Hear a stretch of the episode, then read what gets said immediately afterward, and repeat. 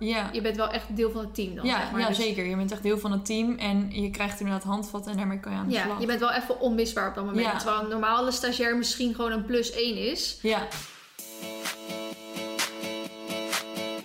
Hoi allemaal en superleuk dat jullie luisteren naar een nieuwe podcast. Ik zit tegenover Romy. hoi.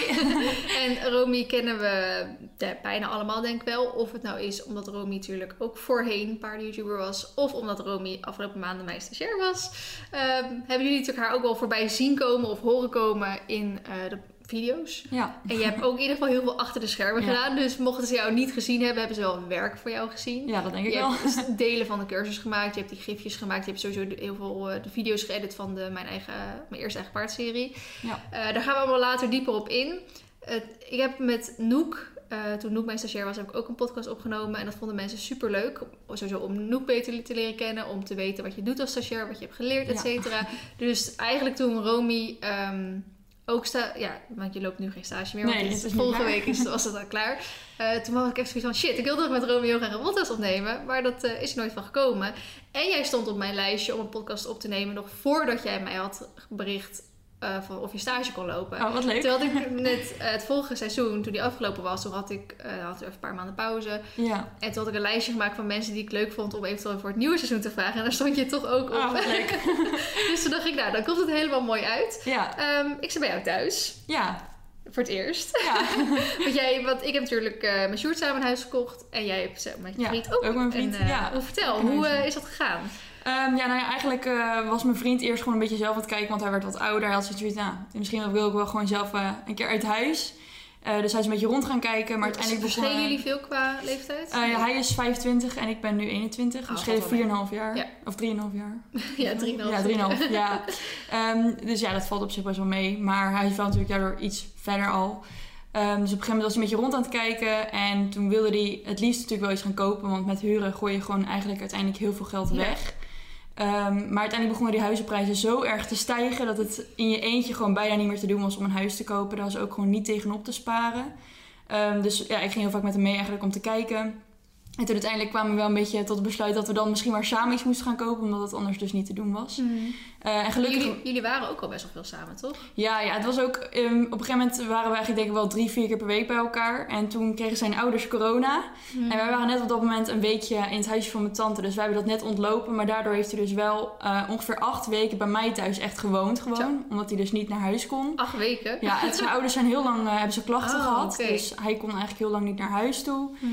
Ehm, en daardoor eh, heeft hij heel lang bij mij gewoond. En vanaf dat moment zijn we eigenlijk onafscheidelijk geweest. En sliepen we bijna elke dag bij elkaar. Heel af en toe een keer een dagje niet. Maar eigenlijk wel altijd. En op een gegeven moment werd ik het ook heel erg beu. Dat ik elke keer met mijn spullen heen en weer moest verhuizen. Ja, je vertelde ook dat je moe werd, dat je altijd uit koffers aan het leven was. Ja, ja, eigenlijk had ik niet meer echt een vaste thuis. Want of we waren bij mij of we waren bij hem. Maar Ja. wel vaker bij hem. Omdat hij heel veel wisselend dienst heeft met zijn werk. Eh, soms moet hij 's ochtends om kwart voor zeven beginnen. En dan is hij om drie uur klaar. Maar soms begint hij om half drie. En dan is hij pas weer om elf uur of half twaalf klaar. Mhm. Uh, Dus daardoor vond hij het wel gewoon fijner ook om dan soms thuis te zijn. En we waren ook wel af en toe bij mij. Maar het was wel meestal gewoon zo makkelijk dat ik naar hem toe ging. Maar ja, altijd mijn spullen weer verzamelen. En dan dus ook re- onregelmatige tijden dat ik er s'avonds naar hem toe moest. En dat breekt je op een gegeven moment wel een beetje op. Ja, precies. Maar goed, Romy heeft natuurlijk, eh, want je hebt nog je eigen YouTube-kanaal, daar gaan we Ja. straks ook nog even dieper op in. Ehm, jou, iedereen helemaal meegenomen in, de, in je verhuizing en in je verbouwing. Want volgens mij was het bij jullie een beetje precies hetzelfde als bij ons. Je dacht gewoon, nou, we kopen iets en we gaan Ja. een beetje verbouwen. En uiteindelijk ben je heel het huis aan het verbouwen. ja, ja, dat is echt eh, bizar. Je verwacht het echt niet. Maar er komt zoveel bij Ja, kijken. want volgens mij had jij in het begin gewoon gezegd, nou, ander vloertje, ander... eh, of hebben jullie zelf de vloer? Nee, nee, de vloer lag er zelfs al. Ja, want we die- zelfs laten liggen. Ja, want die was volgens mij dan wel nice. Ja. En andere kleurtjes op de muren. Ja, ik, dacht, ik was heel optimistisch. Ik dacht, we doen eventjes de woonkamer sauzen. En dan na een weekend zitten we er wel in. Ja. Maar dat viel even vies tegen, want toen moesten we ook nog het plafond opnieuw laten stukken. Oh ja. Dus ja. daar ging alweer eh, twee weken overheen voordat het gedroogd was en we weer verder konden met Ja. schilderen en zo. Ja, ja, en dan die badkamer nog helemaal. Ja, en de toen badkamer toch ook helemaal. nog de keuken te doen. Ja, ja, en toen in de slaapkamer kon ik ook nog de stuk van de muren afzetten. Dus uiteindelijk zijn we er echt heel lang mee bezig geweest. Ja, hoe- wanneer ben je, ben je nou een beetje klaar geweest? Je, je ging Ehm, half, april, eh, half Ja, februari, toch? ja, 19 februari kregen we de sleutel. En ja, ik denk dat we eigenlijk pas eh, sinds eh, twee, drie weken of zo... dat het echt een beetje echt klaar, zeg maar, met alles erop en aan. Dan hebben we nog wel op de laatste paar weken hele kleine dingetjes Ja. gedaan wat gebeuren moest. Maar ehm, ja, uiteindelijk is het nu wel echt fijn. Want het was zo chaotisch ook om Ja. weer te leven. Ja, nou, ik weet nog toen jij mij dat berichtje stuurde. toen was er volgens mij nog geen sprake van dat jij ging, iets had gekocht. Ja. En toen, vlak voordat je je stage inging, toen zei je van... joh, ik heb een huis gekocht. Ja. En toen, en toen oh, oh, ze moet gaan verbouwen. Ik dacht, oké, hoe gaat ze dat doen met Ja. de stage? Maar toen dacht ik eigenlijk ja, maar het is alleen maar heel handig kwam het uit. Jij zat in de verbouwing en ik zat in de verbouwing. En ik denk dat als ik niet in de verbouwing zat, dan was jij heel druk. En dan had ik misschien geïrriteerd van, ja, eh, Rome, bedoel, je hebt wel stage. Ja. En misschien andersom, als ik in de verbouwing zat en jij niet, dan dacht je echt, ja, Vlien, eh, geef me even werk doen Ja, of zo. ja, dan had ik, ja, dan had ik wel liever inderdaad nog wel meer naar je toe gegaan. Ja, precies. En nu kwam het eigenlijk zo mooi uit, dat, dat Rome gewoon de dingen kon doen die ze moest doen. En dat ik haar de vrijheid kon geven, voor jou, maar ook voor mij. Eh, dat jij gewoon lekker kon verbouwen in jouw tijd. En dat je wanneer je tijd dan over had. Want overdag wordt er verbouwd. Ja, En dan moet je vaak aanwe- aanwezig zijn om dat natuurlijk een beetje in goede banen te leiden. Ja. En dan doe je bijvoorbeeld s'avonds doe je even een paar uurtjes werken. ja, In precies. plaats van dat je dus heel de dag weg bent en dan kom je s'avonds thuis en dan denk je, oh shit, wat is er nou allemaal gebeurd Ja. Ja, ja, dat was echt heel fijn. Zeker omdat ik natuurlijk dingen wilde filmen voor mijn verhuisvlogs en zo. Ja, anders had het ook niet echt eh, gegaan. Eh, en nu werkte ik inderdaad gewoon een beetje mee met Boyd's ritme. En dan de tijd dat hij thuis was, konden we gewoon samen veel dingen aan het huis doen. Ja. Dus dat was echt heel erg fijn. Ja, dus zo eh, kwam het toch wel handig uit Ja. om dit, eh, dit zo samen te gaan doen. Nou, heel veel dingen die we net hebben besproken gaan we straks nog even dieper op in.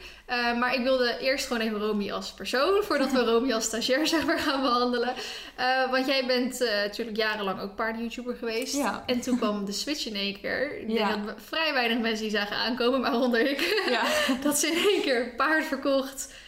Trailer, Ja. de vrachtwagen eruit, eh, spullen weg en eh, ze ging gewoon weer een normaal leven leiden. weer terug naar school. ja. En eh, hoe, hoe kwam dat? Ja, ik ken natuurlijk het verhaal wel en de mensen die jou volgen kennen het verhaal wel een beetje, maar Ja, nou ja, ik ehm, had natuurlijk heel veel plezier altijd in het paardrijden. Ik had eerst een pony, Buddy, en daar heb ik echt altijd heel veel succes mee gehad. Heb ik op het NK mee gereden en dat was denk ik wel echt mijn allermooiste tijd. Ehm, toen heb ik eerst nog getwijfeld of dat ik inderdaad ja, zou gaan stoppen of niet. De overgang naar de paarden is toch wel even een moment dat je daarover na gaat denken. ja. Ehm, maar ik begon het ja, zo leuk weer te vinden dat ik eh, toch verder ben gegaan. Toen heb ik eh Dance natuurlijk gehad.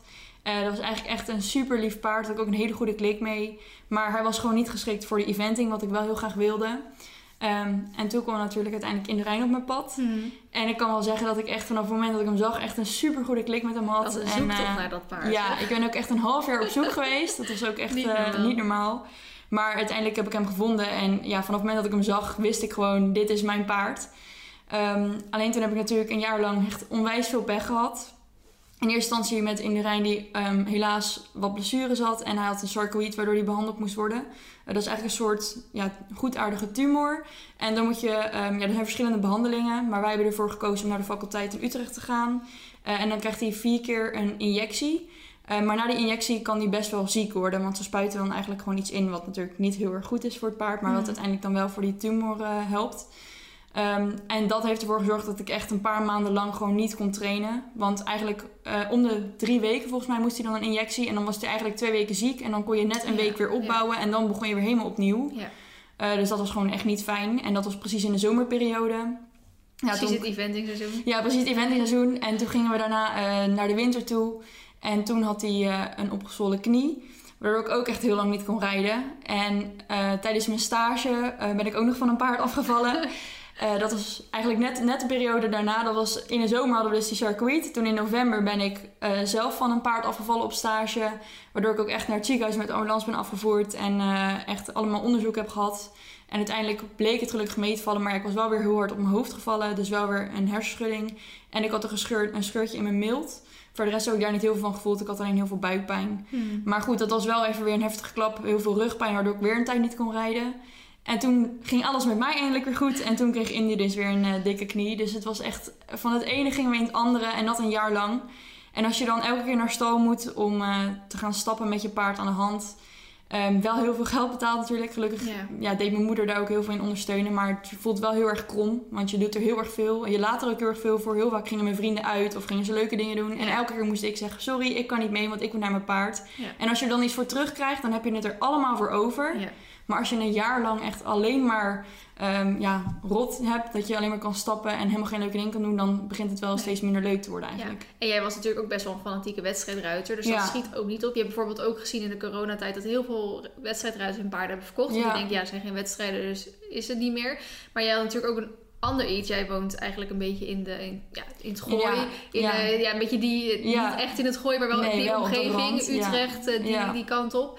En het is gewoon mega moeilijk om hier een goede stal te vinden die Ja. en voor- goed voor het paard is. Maar ook, want als je dus wedstrijdruiter bent, heb je gewoon een goede bak nodig. Ja. En zeker als je springruiter bent, wil je ook het liefst een springpiste erbij. Ja, zeker. En Ja, dat dat, is eh, dat is niet te doen. Dat is echt onwijs moeilijk. Het is inderdaad of een boerenstal, om het maar even zo te zeggen, waar je paard lekker in de wei kan. Ehm, en dan staan ze ook vaak in hele grote kuddes. Mhm. En nou ben ik wel op dit moment eh, van mening dat je gewoon je paard wel lekker met een paard samen moet kunnen zetten. Maar als je een best wel duur sportpaard hebt, Ja. dan voelt dat tegelijkertijd ook weer heel erg lastig. Want er gebeuren gewoon best wel vaak ook ongelukjes. Ehm, en dan is het best wel moeilijk om je paard echt in een kudde te zetten. Ehm, dus het liefst inderdaad dat hij gewoon met een maatje gewoon samen kan staan waarvan je weet dat het goed gaat. Ja. En dat hij eigenlijk inderdaad heel erg buiten kan staan, maar dat je ook goede faciliteiten hebt om te rijden. Dus inderdaad een springtuin. We hebben bij mij op stal hadden ze zelfs wat eventinghindernissen, dus dat was echt, echt onwijs leuk. Eigenlijk was alles perfect, Ja. behalve het weiland en de paddocks, want daar waren er ook niet heel veel van. Mhm. Dus uiteindelijk moet je gewoon uit zoveel dingen kiezen. En we deden wel echt ons best om zoveel mogelijk buiten te krijgen. Eh, dus we, brachten hem elke dag eigenlijk naar het land. En dat was ook wel heel tijdrovend voor mij en mijn moeder. Ja, het was gewoon een paar, Ja. tien minuten of een half uur lopen. Ja, het was denk ik een half uur aan de hand stappen. Ja. Bracht hem dan aan het einde van de, zeg maar, een hele lange straat uit, bracht hem naar de wei. En daar mocht hij dan eh, een paar uurtjes staan en dan moesten we hem weer op gaan halen. Maar ja, dan moest je dus ochtends al naar stal toe rijden. Ja, half uur lopen. En een half uur lopen. En dan ook weer eigenlijk een half uur terug. Uiteindelijk hadden we zo'n elektrische step, die had mijn vader. Dus Oh, namen ja. we die dan mee.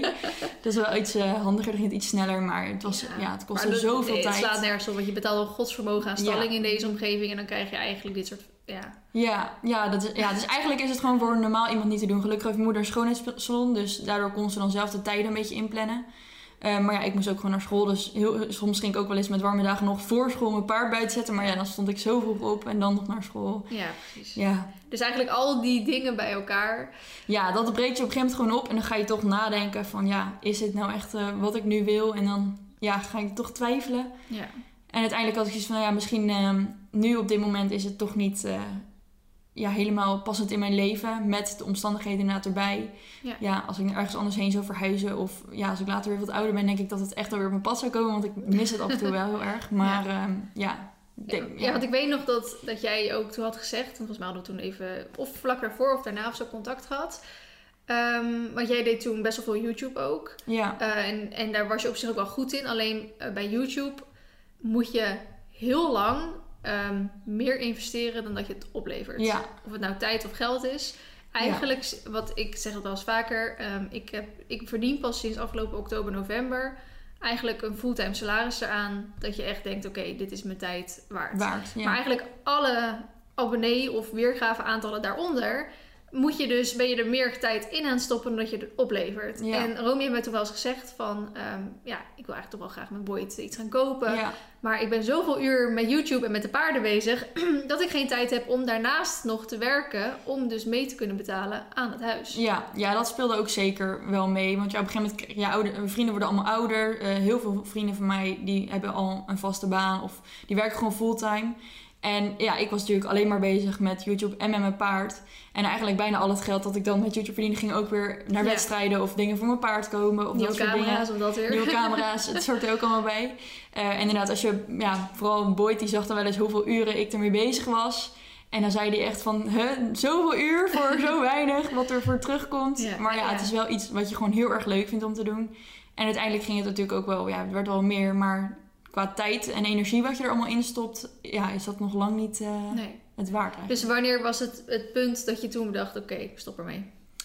Nou, ik denk dat die val in november, ehm, dat dat al wel een soort van wake-up call was. Vooral mijn moeder was daar heel erg van geschrokken. Omdat ze me natuurlijk al meerdere keren had zien vallen. Maar dit was wel gewoon echt heel erg heftig. Dat ze maar onderzoek naar onderzoek naar onderzoek bleven doen in het ziekenhuis. Ehm, en ja, toen eigenlijk begon daarna die knie nog. Waardoor ik echt heel veel maanden alleen maar gestapt nog. En ja, dat was eigenlijk het punt waarop ik een beetje steeds meer twijfels begon te krijgen. En toen ehm, begon ik ook te twijfelen over mijn opleiding. En toen wilde ik eigenlijk gewoon iets anders gaan doen. En toen... Je deed gewoon paardensport? Ja, ik deed paardensport en ouderij inderdaad. Eh, en op zich vond ik het wel... De theorie die we kregen vond ik allemaal heel erg leuk. Uh, want dat vond ik allemaal heel erg interessant natuurlijk. Mhm. Ik weet daar ook nu nog veel meer van de paarden van door. Maar ehm, ja, de praktijk vond ik gewoon eh, ja, minder in de opleiding. Omdat het natuurlijk heel veel gewoon stallenmesten en allemaal dat Ja. soort werkzaamheden is. En als je al jarenlang een En paard hebt en ja, zo, dan... inderdaad. Ik was gewoon veel meer wedstrijdruiter. En als je dat Mhm. dan bent, dan, dan is dat wel... ehm, ja, dan ben je daar eigenlijk... Dan wil je dat eigenlijk liever niet. Dan wil je gewoon meer rijden en dat meer eh, Ja. beter in worden. En heb je een soort van... Ben je naar, want je deed heel veel met je moeder samen. Ja. Ben je gewoon naar je moeder toe gelopen en zeg maar, ik stop ermee? Of hebben jullie het samen besloten? Of hoe reageerde zij? Of... Nou, ik, ja, we zitten natuurlijk samen heel veel in de auto altijd. Ja. Omdat we en naar stal gingen en ook heel veel naar locaties voor wedstrijden. Ehm, en ik denk dat we allebei een beetje tegelijkertijd op hetzelfde punt kwamen. Dat we er allebei, ja, omdat we natuurlijk zoveel allebei aan het stappen waren, dat we er eigenlijk allebei een beetje naartoe groeiden. En op een gegeven moment sprak mijn moeder het volgens mij een keer heel voorzichtig een beetje uit. Eh, en toen begon ik het een klein beetje uit te spreken. En toen eigenlijk kwamen we er samen een beetje op uit van... Ja, misschien eh, is het, het einde nu gewoon voor op dit moment een beetje in zicht, zeg ja, maar. ja. En toen heb je hem te koop gezet. Ja, ik had hem volgens mij heb ik toen ik een video, ik heb toen een video gemaakt inderdaad dat ik eh, dat ik hem ging verkopen. Toen had ik hem nog niet op Sporthorses gezet. Eh, en toen kreeg ik eigenlijk echt direct een berichtje van Pippi, want die zat bij mij op school. Eh, die deed dezelfde opleiding, alleen dan de Engelse variant. Mhm. Ehm, dus we kenden elkaar wel heel goed, maar het was niet dat we echt bij elkaar in de klas zaten. En het was toevallig dat een vriendinnetje van haar, die ook bij ons op de opleiding zat, die stuurde haar gelijk een berichtje van Pippi, heb je dat gezien van Indu? Eh, ik vind dat echt een paard voor jou. En zij was net een beetje op het punt dat ze ja, richting de pony verkopen ging. Eh, en dat ze eigenlijk op zoek was naar een paard. En toen hebben we eigenlijk afgesproken, toen is ze komen rijden. En dat ging gelijk zo goed dat ze echt eh, gelijk verliefd was, net als ik. en toen is ze de dag erna nog een keer teruggekomen met de instructeur. En ehm, ja, toen viel eigenlijk alles op zijn plaats. En Ja. ja. ik voelde me er ook heel prettig bij dat hij naar haar toe ging. En hij heeft het nu echt zo goed. Ja. Want ze heeft eh, in haar achtertuin heeft ze twee stallen. Die hebben ze toen ook nog helemaal nieuw gebouwd toen Indu kwam. Want ze hadden eerst gewoon een ja, simpel stalletje volgens mij. Of, of een paddock, ik weet het Mhm. niet precies. Eh, maar toen hebben ze echt helemaal een nieuw stallencomplex gebouwd. Met twee stallen en een schuurtje daarnaast als zadelkamer en opslag. En eigenlijk zit daar gewoon een, een paddock aan vast. En hebben ze de hele dag de staldeuren open. Waardoor hij eigenlijk heel de dag gewoon in de paddock kan Ja, lopen. En er is een Shetlander erbij, hè? Ja, ze heeft nu inderdaad de Shetlander erbij, omdat ze dus de pony uiteindelijk verkocht heeft. Ja. Die heeft eerst nog een tijdje met Indu gestaan en eh, nu heeft ze een Shetlander. Ja. En eh, ja, dat is echt super schattig samen. ja, want ze hebben natuurlijk ook op eh, Instagram VDS. ja, VDS volgens mij. steeds, Dus ja. mocht je dat nog willen volgen, dan kan dat. dus het is super leuk om dat te zien. En ook eh, ja, hun ja, wedstrijden en trainingen Ja. en zo, om dat dan weer een beetje zo te volgen. Ja, en het is gewoon zo, zo leuk dat hij bij haar thuis staat. Hij krijgt zoveel aandacht en hij is ook echt... Als hij aankomt lopen, dan hoort hij gewoon haar loopje en dan Ja. hinnikt hij naar haar. En eh, Ja, ja. ja, dat is echt geweldig. mega leuk. Nou, toen heb je natuurlijk ook je volgers moeten laten weten, joh, ik stop ermee. Ja, Ehm, hoe werd dat ontvangen? En wist je al gelijk dat je ook gewoon doorging met YouTube, maar dan op de manier zoals je nu doet? Of dacht je ook, ik stop ook met YouTube? Of... Nou ja, sowieso, mijn passie voor filmen is gewoon heel erg groot. Ik vind dat gewoon heel erg leuk. En om mensen te inspireren en te entertainen. En om gewoon mijn kennis te delen. Dat vind ik gewoon eh, ontzettend leuk om te doen. Dus ik had wel gelijk zoiets van, nou ik wil wel doorgaan met video's maken. En ik was een beetje zoekende van wat ik dan leuk vond. Ehm, en het werd eigenlijk heel wisselend ontvangen. Want er waren, ik denk vooral meiden van mijn leeftijd... ehm, die waren echt, die begrepen het. Die hadden soms ook die overgang gemaakt. Dat ze dus waren gestopt met paardrijden. Ehm, en juist, ik denk heel veel jongere kijkers, die vonden natuurlijk gewoon onwijs jammer dat ik stopte met die video's maken, want die keken daar heel erg naar uit. En die reageerden meer van dat ze het niet begrepen en dat ik, dat ik nooit dat paard had moeten kopen als ik al wist dat ik hem ging verkopen. En ehm, ja, allemaal dat soort reacties. Maar ja, dat, het was voor mij natuurlijk, ik groeide er wat meer naartoe. ja. Maar ik had van tevoren natuurlijk ook nooit verwacht dat het zo was gaan lopen. Nee, nee, sowieso niet. Want jij hebt, ehm, je, we hebben het al eerder laten vallen, een half jaar moeten zoeken naar dit paard. Ja, En die hebben wel eens eentje gekeurd en die werd dan niet goed gekeurd. En er ging Ja. pas eentje mee als die helemaal goed was. ja En, dan, en dat was die. En dan Ja. krijgt hij een sarcoïd. En dan staat hij een keer met een dikke... Ja. Dus daar kan je ook niks aan doen. Nee, ja, dat is ook het lastige inderdaad. Want we zijn er echt heel bewust voor gegaan om inderdaad zoek, goed te zoeken naar een paard die helemaal goedgekeurd werd. En daar hebben we natuurlijk zo lang naar gezocht. En dan eh, heb je inderdaad zoveel problemen daarna. Het is Ja. heel, gewoon heel lastig, want dat kan je nooit van tevoren En het zou best kunnen zijn als, als hij dat nooit had gehad... en je was nooit van dat paard afgevallen... dat je er dan nu nog steeds in zat. Ja, ja, dat, ja, misschien wel inderdaad. Ik denk eh, dat het zeker wel anders was gelopen dan. Ja. Ja. Ja. Ehm, nou, het, het, het komt mij wel bekend voor met inderdaad dat je zegt dat leeftijdsgenootjes dat beter begrepen en Ja. de jongeren wat niet. Want ik heb dat toen gehad met eh, een paar jaar geleden toen ik aangaf dat ik ging stoppen met shows geven. Ja. Toen was ook super veel mensen zeiden van, nou ik begrijp het, je geeft al jarenlang aan dat je, te- want bij, Ja. bij jou kwam het echt wat meer als een, als een bom in één Ja. keer binnen, want niemand wist het, terwijl jij er al heel lang mee rondliep. En ik geef natuurlijk al jarenlang aan dat ik zoveel last van die zenuw had en zo. En dan zijn er toch een. Dus natuurlijk, de jongeren vinden het dan zonde dat, dat je dan dat daarmee gaat stoppen. Maar ook al een paar reacties van dat ik egoïstisch zou zijn. Ja. Omdat ik denk van ja, voor die zenuwen van jou even aan de kant zetten. En dan zijn er honderden tot duizenden mensen die dan gelukkig zijn om jou met shows te zien. Denk ja, Ja. sorry, maar zo werkt het niet. Nee. Je moet altijd eerst voor jezelf Ja, kiezen zeker. en dan pas de rest. Ja. ja, en in dit geval koos ik dan ook wel gewoon voor Indu. Omdat ik gewoon vond dat hij beter vinden. Ook dat hij gewoon lekker meer naar buiten kon. En ja, dat hij dat gewoon, eh, dat hij veel beter op zijn plek is hier. Ja. Dan, ja, ik kon hem dat gewoon zeg maar niet bieden. Ehm, want ik zou er zelf ook weer niet gelukkig van worden als ik naar een andere stal zou zijn waar ik dan hele slechte faciliteit had om te rijden of iets. Ehm, dus uiteindelijk was dit gewoon de beste keuze. Ja, ja. Ehm, ook gestopt met je opleiding dus. Ja. En toen?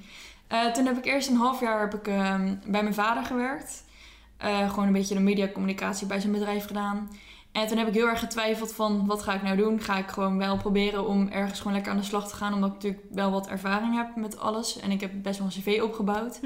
Ehm, en ik heb dus wel mijn studieschild van 5000 euro van het reizen en mijn studiefinanciering op het mbo. Eh, dus toen heb ik eerst getwijfeld, nou ja, als ik dat over zoveel jaren afbetaal, dan valt het best wel mee. Hmm. Ehm, maar toen ben ik toch weer gaan kijken naar opleidingen. En toen viel eigenlijk gelijk de opleiding media en communicatie. Wat eigenlijk alle werkzaamheden die ik dus ook een beetje bij mijn vader deed. En wat ook wel veel met YouTube en met filmen en alles te maken heeft. Zag ik die opleiding en toen dacht ik van, nou ja, die vind ik eigenlijk wel heel erg leuk. Ik was al eerder een keertje geweest kijken. Toen ik, voordat ik de overgang naar de paardensport en houderij ging doen. Hmm. Maar toen ben ik uiteindelijk toch daarvoor gegaan. En ik had zoiets van, ja, ik wil eigenlijk niet in het eerste jaar beginnen. Want als ik in Photoshop vierkantjes moet gaan maken en Ja. rondjes en dingetjes. Terwijl ik al vijf jaar lang met Photoshop werk. Ja, maar ook voor paardhouderij heb je het toch grafisch nog Ja, gedaan? ik heb toen eh crossmedia gedaan inderdaad. En dat was ook eh, ja, wel een beetje daarop gericht. Maar wel meer op media vormgeving. En minder op film. Ja, en, ja, die ja, maar kant goed, op. is die basis had je Ja, al. dus de basis had ik inderdaad zeker. Ehm, dus toen heb ik heel erg getwijfeld van ja, wat ga ik nou doen? En toen heb ik uiteindelijk toch eh, de school gewoon een mailtje gestuurd met alles wat ik eh, aan ervaring had. En dat ik denk ik niet gelukkig zou worden als ik in het eerste jaar zou beginnen. Ja. En of dat er eventueel de mogelijkheid is om in het tweede jaar te starten. Hmm. En ehm, toen ging ik door een hele procedure heen. Moest ik eh, met een docent nog een FaceTime-gesprek houden als intake. En ik heb een heel portfolio opgesteld met alles eh, van ja, alle werkzaamheden die ik heb gedaan en al mijn werk. En toen uiteindelijk mocht ik gelukkig in het tweede jaar beginnen. Dus dat was heel erg fijn. En ik vond het eerst nog wel spannend. Ik dacht, ja, voor hetzelfde geld loop ik toch achter of weet ik dingen niet. Maar uiteindelijk eh, was het echt de beste keuze ooit. Eh, want echt dat jaar dat ik op school, oh ja, eigenlijk een half jaar heb ik maar op school gezeten. Hmm. Ehm, ja, dat was eigenlijk gewoon deels nog herhaling en gewoon wel dingetjes die ik bij heb geleerd. Oh, dus je begon eigenlijk in de tweede helft Ja. van het tweede jaar? Nee, nee, nee, wel in het tweede jaar, maar ik heb een half jaar en daarna heb ik een half jaar stage gehad natuurlijk bij Oh, ja, jou. Ja, ja, oké. Ehm, maar dat was, ja, het was best wel veel herhaling en ook heel veel ehm, wat ik nog wel heb geleerd. Maar dat half jaar was echt gewoon prima te doen, kwam heel makkelijk mee. En toen had ik natuurlijk al een half jaar gelijk stage. Ja. Ehm, dus daar, dat was eigenlijk het enige wat ze spannend vonden toen ze mij aannamen. Van, kan je na een half jaar stage lopen? Ja, Maar ja, dat ging prima. ja precies. Dus ehm, wanneer besloot jij mij een berichtje te sturen? Nou, we moesten op een gegeven moment eh, op school moesten we natuurlijk gaan kijken voor een stage. En eh, ik was een beetje laks erin. En ik dacht, nou, dat komt wel, dat duurt nog zo lang. en op een gegeven moment begonnen steeds meer mensen om me heen van... eh, ja, ik heb al bij twintig bedrijven gesolliciteerd en ik ben nog steeds niet aangenomen. En toen dacht ik, oh, dat is toch wel pittig. Dus ik was een beetje om me heen aan het kijken en wat vacatures aan het bekijken. Maar elke keer was ik het aan het lezen en dan dacht ik... Nee, zo'n groot bedrijf, nee, daar vind ik mezelf niet in passen. Ehm, of gewoon dat je dan weer zo'n nummertje wordt, weet je wel, mijn Hmm. bedrijf. Dat je gewoon een stagiair bent, dat je alle rotklusjes krijgt. En daar had ik gewoon echt helemaal geen zin in. En toen dacht ik al wel van, het lijkt me superleuk om bij een YouTuber stage te lopen. Ehm ja, er zitten ook wel eens mensen die bij Nienke Plas stage lopen, bij Corton, dat soort ehm, mensen. Dat leek me al sowieso gelijk heel erg interessant. Ehm, en toen in één keer zag ik dus Noek voorbij komen die bij jou stage liep. En ik had dan wel jou door mijn hoofd laten gaan van ja, misschien wel bij Verline. Maar ik wist niet of dat, dat kon en of dat je er Hmm. überhaupt genoeg werk voor had. En toen zag ik in één keer Noek en toen dacht ik, wow, dit is echt super cool. Misschien kan ik dan ook een stage lopen. Toen hoorde ik inderdaad dat ze tot januari stage liep. Toen dacht ik, wow, dat zou perfect zijn. En toen had ik het met een meisje uit mijn klas erover. En toen eh, zei ze, ja, weet je wel waar jij stage gaat lopen? Toen zei ik, nou ja, er is wel iemand waar ik misschien stage kan lopen. Maar dan moet ik een berichtje sturen. En ik was een beetje aan het twijfelen van, ja, misschien vindt ze het helemaal niet leuk. of misschien wil ze daarna helemaal geen stagiaire meer. En toen dacht ik, nou ja, weet je wat, ik stuur gewoon een berichtje. Ja, precies. Nou, ik weet nog heel goed dat ik op stal rondliep. Samen met Anne, volgens mij. Of met Alike. I- met iemand, Ja. in ieder geval. En toen, eh, want ik stond natuurlijk toen nog op de pensionstal. En ik liep Oh, ja. dan bij dat, bij dat eh, soort van overkappingje bij Marge Ja. daar, weet je wel. En ik kijk zo op mijn telefoon en ik zie dat berichtje. Dus ik, dacht van, jeetje, wat een lang berichtje. Nou weer? En ik zie, en ik zie in één keer dat over stage gaat. Ik dacht in één keer, holy shit. en volgens mij heb ik jou toen even een paar uur niet beantwoord. Ja, Want eh, ik dacht even van, oké, hier moet ik even over nadenken. En ik was dus druk bezig ergens mee. Dus ik dacht, nou, dat komt wel als ik thuis ben. ja. En inderdaad even over nadenken van, oké, inderdaad, Noek die eh, stopt dan. Ga- wil ik Ja. nog iemand? Wil ik Romy ook wel? Waarom wil Romy überhaupt bij mij stage lopen? Zo zat ik soort van na te denken. En volgens mij heb ik het er toen met Anne over gehad. En, eh, en Anne zei ook gelijk wel van, ja, eigenlijk wel een goeie. Het enige was dat Anne dus eh, ook blijkbaar stage moest lopen. En ze had eerst Oh, ja. zoiets van... Want ik had eh, volgens mij jou al wel dezelfde dag volgens mij gestuurd van... Oh, volgens mij iets van, nou lijkt me wel een goed idee Ja. of zo. En toen zei Anne dus echt een paar dagen later van... Ja, ik moet ook nog stage lopen. En ik had eigenlijk ook gehoopt om dat bij jou te kunnen doen. Toen dacht ik, oh shit, sorry. dus sorry Anne als je dit luistert. maar... ehm, het enige wat me inderdaad, eh, wat ik ook veel vragen heb gekregen, want ik heb natuurlijk even een Instagram Ja. stickertje gedaan, is waarom je bij een paarden-YouTuber stage wilde lopen als je zelf was gestopt met paarden-YouTuber. Want dat was letterlijk Ja. de vraag die ook bij mij was. Waarom wil Robin bij mij stage lopen? Nou ja, ik eigenlijk, dat heb ik nu nog steeds. Paardencontent vind ik echt de allerleukste content om te maken. Eh, Ik heb nog steeds echt duizenden ideeën om ja, paardenvideo's te gaan maken eigenlijk. Ehm, en dat vind ik ook nog, ja, is me echt makkelijker te bedenken dan andere content. Omdat het gewoon, eh, er gaan gelijk duizend ideeën door mijn hoofd. En ik had zoiets van, ja, als ik iets dan wil gaan doen, dan wil ik daar, ook al heb ik er zelf niks meer mee. Ik heb natuurlijk Mhm. zoveel kennis van de paardensport. En dan vind ik het wel heel erg leuk om daar toch mee bezig te zijn. En dan heb ik niet meer de verplichting van een eigen paard. En dat, ja, eigenlijk alles wat me een beetje tegen begon te staan, heb Ja. ik dan niet. Maar dan kan ik wel bezig zijn met die content wat ik zo leuk vind. Ja. En daardoor dacht ik eigenlijk gelijk aan. Ik had ook nog wel bij het andere paardenbedrijf gekeken of dat die misschien iets voor media en communicatie Hmm. iemand daarvoor zocht. Want ik dacht, ja, dat vond ik gewoon heel erg leuk om te doen. Ja. Dus eigenlijk was dat de reden. Ja, maar dat zie ik wel steeds vaker. Want Alike, die natuurlijk voor mij filmt, die Ja. heeft ook een fulltime of parttime eh, contract bij een ander bedrijf. Die, Ja. die gewoon met heel veel bedrijfsvideo's en dat soort dingen doet. En die zijn nu ook van ja, ik vind eigenlijk die paarden. Ook al is Alike is helemaal geen wedstrijdruiter, dus echt een Nee. recreatieruiter. Ja. Ze zegt, ik vind die paardenvideo's gewoon echt veel leuker om, te- om te maken Ja. dan weer de zoveelste bedrijfsvideo, weer dit of dat Ja. of zo. Dus dat snap ik wel dat je dan wel in die. Dat de- als, als ik ooit stop met paardenvideo's maken. Want ik heb natuurlijk even twee maanden ergens een keer gewerkt. Ja. En toen dacht ik ook, dat ging om eten. Nou, ik hou van eten. Dus toen dacht ik, nou, dat kan ik wel. Maar ik was, na twee weken was mijn creativiteit al opgebouwd. Ja. Ik denk, dat is me nog nooit gebeurd in die paardensector. Nee. Dus mocht ik ooit stoppen hiermee, dan denk ik, ja, het lijkt me wel in ieder geval heel leuk om binnen die sector te blijven. Ja, Dat je gewoon altijd weer nieuwe ideeën hebt of zo. ja, ja. Ik had dat inderdaad ook altijd gewoon eh, heel veel ideeën op dat gebied. Ja, en ehm, op voorhand, wat dacht je dan wat je bij mij moest gaan doen? Of wat wilde je gaan doen? Of wat waren de dingen vanuit school die je moest gaan doen? Ehm, nou wat ja, vond school ervan überhaupt? Ja, nou, mijn school, ehm het was natuurlijk ook nog eventjes heel moeilijk eh, om het Crebo-nummer te krijgen. Want Ja. als je op het mbo zit, dan moet je een erkend stagebedrijf hebben. Wat raar is, want de HBO bij Noek was dat ja, niet helemaal nodig. niet nodig, nee. Ehm, maar Feline had dat natuurlijk nog niet, dus dat moest ze gaan aanvragen. Ja, En eh, daar deden ze in het begin heel erg moeilijk over. Ja. eh, want ze zijn veel meer gericht op ehm, ja, echt het oude communicatiegedeelte eigenlijk. Dat je dus echt op een redactie werkt en dat je Ja. daar heel veel mee bezig bent. ja, want ik zou even, ik heb dus, ik werd 's ochtends eh, wakker gebeld door dus die persoon die mij dat chemo-nummer moest gaan geven. Dus het was al een heel warrig gesprek. Ehm, maar dat ging om twee dingen. Het eerste dat je jouw, hoe heet jouw opleiding officieel volgens het Crebo-nummer? Ja, media-redactiemedewerker. Ja, en dat is dus een beetje journalistiek-achtig. Ja.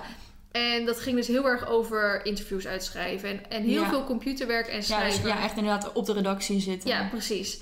En, eh, maar jouw school heeft eigenlijk een heel nieuw tintje aan die opleiding gegeven. Ja, dat is natuurlijk, er zijn nog steeds wel mensen die op de redactie natuurlijk nodig zijn. Maar tegenwoordig heb je natuurlijk veel meer te maken met beeldcontent, eh, met fotografie, met video's, en dat soort dingen. Dus mijn opleiding heeft dat er eigenlijk allemaal aan toegevoegd. Ja. En het gedeelte communicatie hebben ze er ook nog in verwerkt. Hmm. Dus we hadden eigenlijk drie hoofdvakken op school: fotografie, film en ehm, schrijven. Waarbij je gewoon verschillende artikelen moest schrijven en ehm, ja, daarmee bezig was. Ja.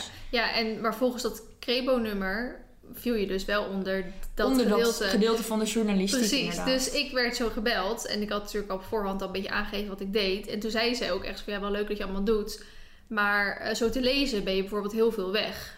En Romy moet gewoon eh, vier dagen in de week achter de laptop. Dat zei ze gewoon letterlijk. Gewoon Ja. achter de laptop eh, dingen zitten uittypen.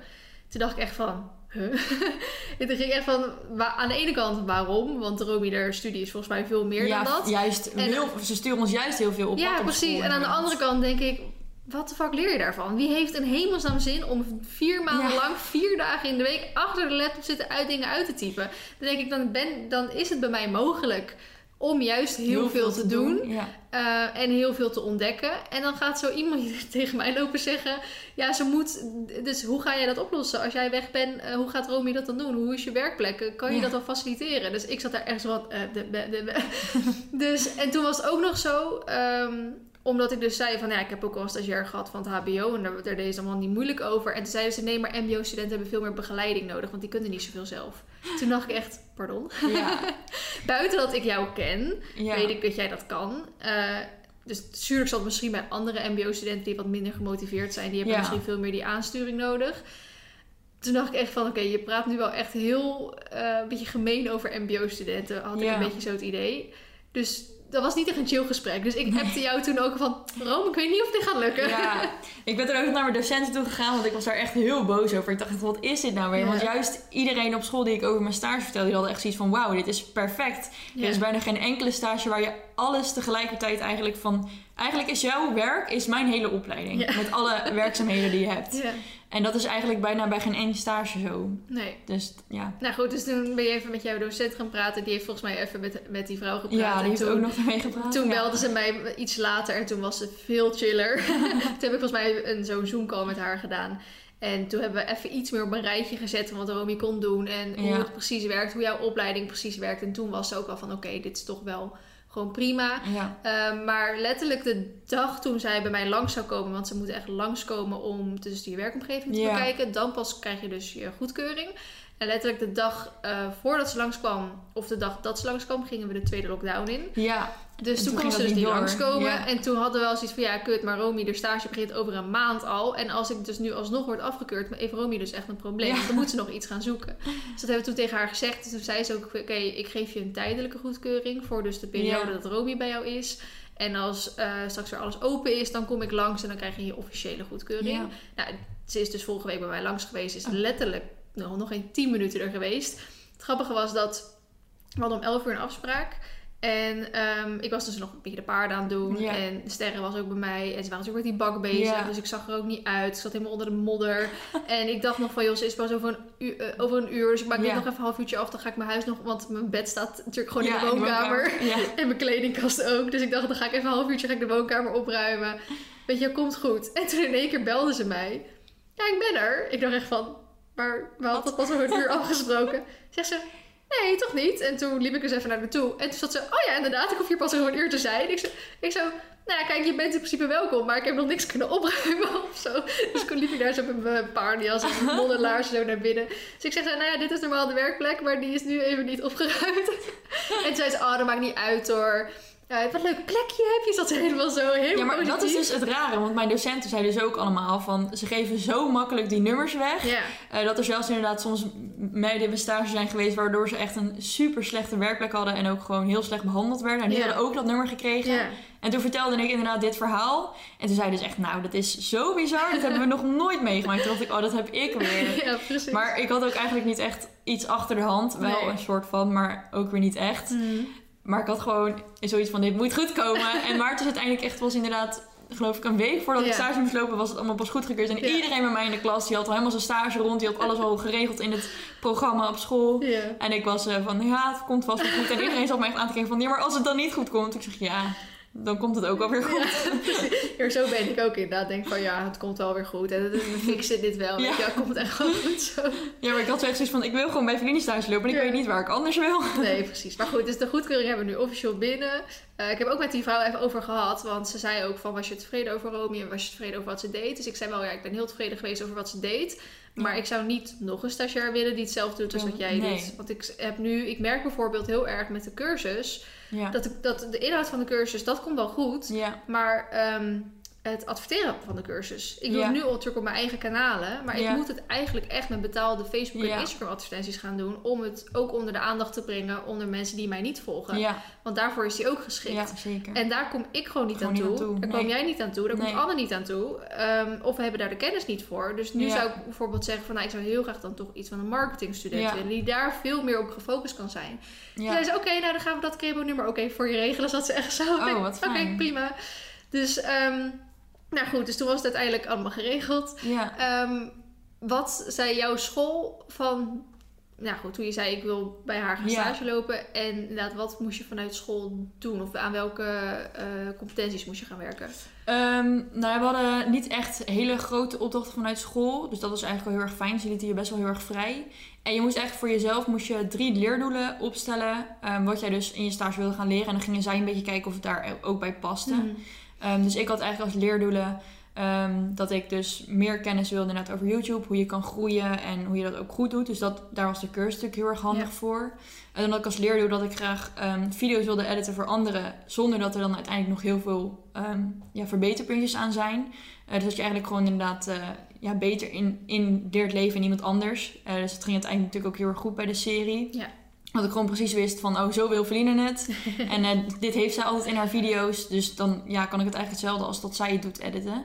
En mijn laatste leerdoel, eh, je moest ook een persoonlijk leerdoel hebben.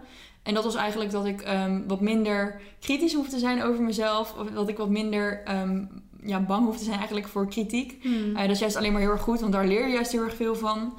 Eh, maar ik kan soms best wel zenuwachtig worden als ik dan iets van mijn werk moet laten zien. dat ik denk, oh, vinden ze het wel goed? En eh, ja, daar kan ik soms best wel onzeker over zijn. Terwijl heel vaak hoeft dat helemaal niet, want Nee. ja, meestal werk, ja, lever ik gewoon wel prima werk, zeg maar, af. ja.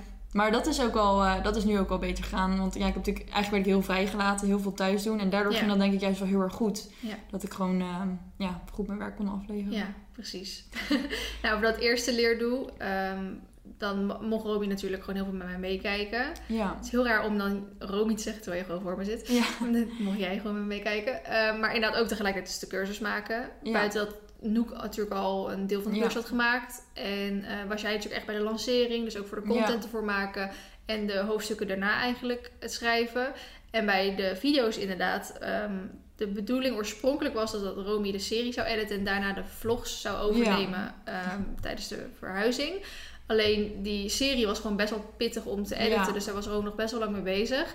Ehm, dus heb ik in het begin zelf geëdit. En de bedoeling was daarna dat je het zou overnemen. Maar ik zag ook van wat er... ehm, video's zijn heel anders dan vlogs eigenlijk. En jij had volgens mij ongeveer twee video's nodig om even in het ritme te komen. Ja. Als in, bij de eerste moest nog best wel wat aangepast Ja. worden. Bij de tweede nog een beetje. En eigenlijk bij de rest vrij, Vrij weinig. weinig, Misschien ja. een keer een tekstje of een dingetje. Ja. Maar eigenlijk voor de rest qua opbouw was het eigenlijk helemaal goed. Eh, maar vlogs, zeker omdat ik een week achterloop met vlogs... eh, kan er gewoon best wel bijvoorbeeld al veel in die week alweer gebeuren. Waardoor hetgene wat ik dan had verteld of had laten zien... bijvoorbeeld niet meer nodig was. Of niet meer relevant was. Of waarvan ik dacht, dit was helemaal niet handig. Dus ik denk... Ik ben heel kort bezig met vlogs editen. Misschien twee à drie uur. Ligt eraan hoeveel. Ja. Als ik heel veel timelapses erin heb zitten, dan ben ik echt zo zes uur bezig. Ehm, maar waardoor ik het in hele korte tijd eigenlijk af heb. Terwijl als ik het eerst allemaal naar jou ga sturen, of jij moet het constant bij mij komen ophalen, die beelden. Want Ja. het gaat gewoon om Ja, tussen de dat is 10 en 40 zoveel. gigabyte. Ja. Dat, is, dat duurt uren om te versturen. Ja, of moet het bij mij komen ophalen allemaal. Ehm, dus dat neemt nog veel tijd in beslag. Dan, ik ken de beelden. Ja. Dus ik gooi alles achter elkaar. En ik weet een beetje wat ik nou goed ging en fout ging. Wat eruit moet en wat er niet uit moet. Eh Romy moet alles eerst opnieuw kijken. ja. Ehm, vervolgens weet ik dus wat erin moet blijven en niet. Niet. En Romy eigenlijk niet. Dus dan moet ik eigenlijk Romy bijvoorbeeld spraakmemo's gaan sturen. Van joh, dat moet er uit, dat moet erin. En dat moet op deze manier, maar dat moet op deze manier. Dus ik denk dat uiteindelijk ik evenveel tijd kwijt zou zijn. Of misschien zelfs wel meer. Door het jou Ja. te laten editen. Ehm, dan ben jij veel tijd bezig met de video's. Terwijl er ook nog heel veel andere, Andere dingen, te doen ja. Dus toen dacht ik van, nou dan kan ik net zo goed gewoon de vlog zelf blijven editen. Het ging goed, het kan prima. Ja. En bijvoorbeeld die serie, hè, er hoeft er maar één video in de week te komen. Maar met Ja, die vlogs moest er gewoon vijf Ja, dagen in de En dat, week. verhuizen, dat versturen van die video's, dat zou inderdaad echt al eh onwijs lang duren. Ja, precies. Dus toen dacht ik al van, volgens mij heeft het niet zo heel veel zin om dit zeg maar op deze manier te gaan doen. Nee. Dus toen zei Sjoerd bijvoorbeeld ook, die had er een beetje de pest in. Want die zei van, ja leuk dat je elke dag wil gaan vloggen midden in die verbouwing. Maar Romy zou het toch gaan overnemen, dan kon jij gaan helpen met die verbouwing. En toen dacht ik ook, ja maar buiten dat die vlogs liepen, liepen er ook nog heel veel andere dingen. Die cursus liep nog Ja. door. Dan was er weer dit, dan weer samenwerking, dan weer dit. Dus denk je, ja, Ja. sure, maar als Romy dat zou overnemen, moet ik dus dat allemaal gaan doen. Ja. En dat is veel breder eigenlijk allemaal. want Het zijn heel veel verschillende dingen. Eh, dus dan kan ik misschien beter me gewoon focussen op de vlogs. Dat ik gewoon weet dat dat loopt en dat dat goed gaat. Dan kan ik Romy al die, Ja. die kleine Ja, en dat is ook, dan zit het ook gewoon in je ritme. En Ja, gewoon elke dag dat je dat gewoon kan doen. En als er dan iets binnenkomt, stuur ik het gewoon naar Romy van... joh Romy, ik moet een samenwerking online zetten op Instagram. Wil jij even een tekstje schrijven? Of wil jij even, eh, nou ja, goed de hoofdstuk van de cursus maken? Of dat hadden we, hadden we dat bedacht met die gifjes. Of hadden we, eh, kwam de nieuwe eerst van de maand van... wil je even wat eh, eh, productie, materiaal maken? Die Ja. templates of dingetjes die we dan weer op de stories kunnen zetten of zo, weet je wel? En dan kon Romy daar gewoon een hele dag lekker aan zitten. Lekker creatief, lekker al die dingetjes maken. En dan had ik het volgende dag had ik het binnen. En dan kon ik het gewoon gaan uploaden. Terwijl ik denk, ja, maar anders was Romy heel de dag met een video bezig geweest. Wat ik in twee uur gemaakt heb. En dan moest ik zelf al die dingen Al die gaan dingen maken. En dan was ik er uren mee bezig. ja, het was natuurlijk weer anders geweest als ik gewoon bij jou thuis was. Want dan Ja. is het heel veel makkelijker met die beelden. Maar dit was gewoon nu op dit moment was dit het handigste. Ja, ik had doen. natuurlijk ook totaal geen werkplek meer. Nee. We hadden, nee. wij hadden, natuurlijk- we hadden letterlijk helemaal niks. En we, hadden ook, we hebben anderhalf maand geen wifi gehad. Nee. Dus dat scho- schoot allemaal Nee, niet op. nee, het was voor mij ook inderdaad gewoon heel fijn om lekker hier thuis te werken. Dat ik tussendoor Ja. wat dingetjes nog kan doen. En eh, ja, Ja, precies. zo. Dus zo hebben we het eigenlijk een beetje, beetje gedaan. Ja, Eh, zullen we overgaan naar de vragen die iedereen had gesteld? Ehm, nou, ik had natuurlijk, deze vragen gaan natuurlijk weer helemaal door elkaar heen. ja. Eh, deze kwam van Noek. Welke ervaring is je het meest bijgebleven? Oeh, wat een lastige vraag. ik had ze eigenlijk even alle- allemaal van tevoren tegen je moeten zeggen. Dan kon je pas over nadenken. Ehm, ehm, nou, ik vond sowieso eh, de opnamedagen vond ik sowieso wel heel erg leuk. Het waren echt lange dagen. Vooral die in de winter, dat we nog die interviews hadden, dat het daar echt Oh. ijs en ijskoud was. Dat we, oh, oh ja, bij, ehm, Ehm, ja, toen moesten we naar Zeeland helemaal toe. ja, naar Zeeland. En En, eh, die andere interviews, ehm, hoe heet ze? Ja, nou? hoe heet ze? Die zetten. Ja, bij Lisette. Ja. Dan was het zo koud en toen moesten we nog terug. Oh, toen was het ook echt, waren we echt al vanaf 's ochtends tot echt... Ja, tot het ene mooi weer was toen. Ja, in ene was het heel mooi weer. En toen Toen kwamen we reden we eraan. daar. En ja, het was echt helemaal grauw en koud en wind. Klopt inderdaad. Maar ja, dat waren wel gewoon hele leuke dagen. Ook met Alike erbij was heel gezellig. En ik vond ook de dagen dat ik samen met Anne werkte, vond ik heel gezellig. En daar heb ik ook gewoon eh, over haar opleiding heel veel kunnen praten. Gewoon samen heel veel creativiteit kunnen uitwisselen. Ja. Inspiratie van elkaar kunnen opdoen. Dus dat was ook altijd gewoon heel gezellig. En ook gewoon bij jou thuis was dat gewoon een hele fijne sfeer. Weet je wel, Eh, ook als Sjoerd er was, eh, maakte hij lekker een soepje en dat soort dingetjes. Nou, dat mis ik. ja. En ja, ik vond het ook altijd heel fijn in het begin dat we dan inderdaad gewoon 's ochtends gingen werken. En dan gingen we eind van de dag nog even naar stal. Dat was Ja. ook gewoon een hele leuke afsluiting. Ja. Gewoon de foto's maken. Ja, en ik vond het gewoon onwijs leuk dat ik zoveel verschillende werkzaamheden had. Ja, ja. Ehm, ik heb hier een vraag. Wat heb je allemaal bijgeleerd in de stage? Nou ja, Anne vroeg dat natuurlijk ook aan mij. Want ze zei, ja, je hebt zelf ook ervaring met YouTube. Heb je wel echt wat geleerd deze stage? Maar dat heb ik wel zeker. Sowieso eh, vanuit de cursus heel veel dingen. eh, sommige dingen weet je ook wel. Maar het is wel heel goed om daar nog eens dieper over na te gaan denken. En ehm, gewoon ja, de manier van werken, eh, toch nieuwe inzichten gekregen. Ehm, ja, het moeilijk om echt te zeggen op welk vlak, maar er zijn Ja. zeker echt wel heel veel dingen die ik heb geleerd. Mhm. Ehm, vind je YouTube nog even leuk zonder je paardenkanaal qua bereik en het soort volgers en de video's die je moet maken? Nou ja, het is natuurlijk echt heel wisselend van elkaar. Ehm, ik had wel altijd, toen ik mijn paardenvideo's maakte... en ik keek zelf natuurlijk ook heel veel gewone video's, om maar even zo te noemen. En had ik daar ook gelijk echt zoiets van... oh, dat vind ik ook zo leuk om te maken. En zo zeker mijn verhuisvlogs. En gewoon lekker gewoon dat je je leven filmt. En ehm, dat soort video's vind ik ook echt heel erg leuk om te maken. En ik heb ook echt een heel, heel lijstje met allemaal ideeën... wat ik dan nu heel erg tof vind om te doen. Ehm, maar het is, gewoon, ja, het is gewoon heel anders. En natuurlijk is het wel eh, jammer dat je uiteindelijk minder bereik hebt. Maar je, het wordt nog steeds heel erg leuk ontvangen. En ik krijg nog steeds heel veel leuke reacties. Dus dat maakt het nog steeds ontzettend leuk om te doen. Ja. Ehm, en het, ja, het paardencontent maken, dat zal ik natuurlijk altijd nog wel een soort van koesteren, dat, dat, dat moment. Ehm, en dat vond ik ook zeker heel erg leuk. En ik vind het ook echt wel jammer dat dat weg is gevallen daarbij. En dat was ook wel wat de beslissing heel moeilijk maakte. Dat eigenlijk in één keer superveel van mijn leven wegviel. Mhm. Ehm, maar ik vind het nog steeds gewoon heel erg leuk om video's te maken Ja. eigenlijk. Maar het leuke was dat wij natuurlijk ook wel een soort gedeelde passie hadden bij die video's. Want Ja. wij, wij keken best wel ook, zeg maar, dezelfde soort kanalen, mensen ja. die dus niks met paarden te maken hadden. En bij hun zag je best wel vaak inderdaad van die tekstjes of van die Ja, doodle-achtige dingetjes voorbij komen. En jij deed het al best wel wat meer. Omdat het in, bij, om het even zo te zeggen, niet paardenvideo's word je veel meer uitgedaagd om het creatiever, eh, leuker te maken. Ehm, dus ik deed het heel af en toe eens tussendoor, maar niet heel veel. En jij deed dat al wat meer. En toen wij dan samen gingen werken, deed ik dat soms ook weer wat meer. En het grappige was dat sommige mensen zeiden van... Oh, je ziet echt dat Romy deze Ja. video heeft geëdit eh, nu ze bij Feline stage loopt. Toen dacht ik van, nou, ik heb hem gewoon zelf geëdit Ja. hoor. maar omdat ik dan weer wat meer met Romy omging, werd ik wat meer getriggerd om ook weer Ja. dat soort dingen te doen. En zo hebben we best wel wat dingen dan uitgewisseld. Van, joh, heb je Ja. bij die gezien? Eh, Ja, dat was zo. ook echt heel leuk. Gewoon al die gesprekken samen, Ja. ehm, waardoor je inderdaad gewoon elkaar heel veel eh, motiveert en inspiratie geeft. Ja. En we hebben het toen natuurlijk ook over jouw kanaal gehad. Want het was best wel lastig. Je had gewoon 20.000 volgers in de Ja. paarden opgespaard.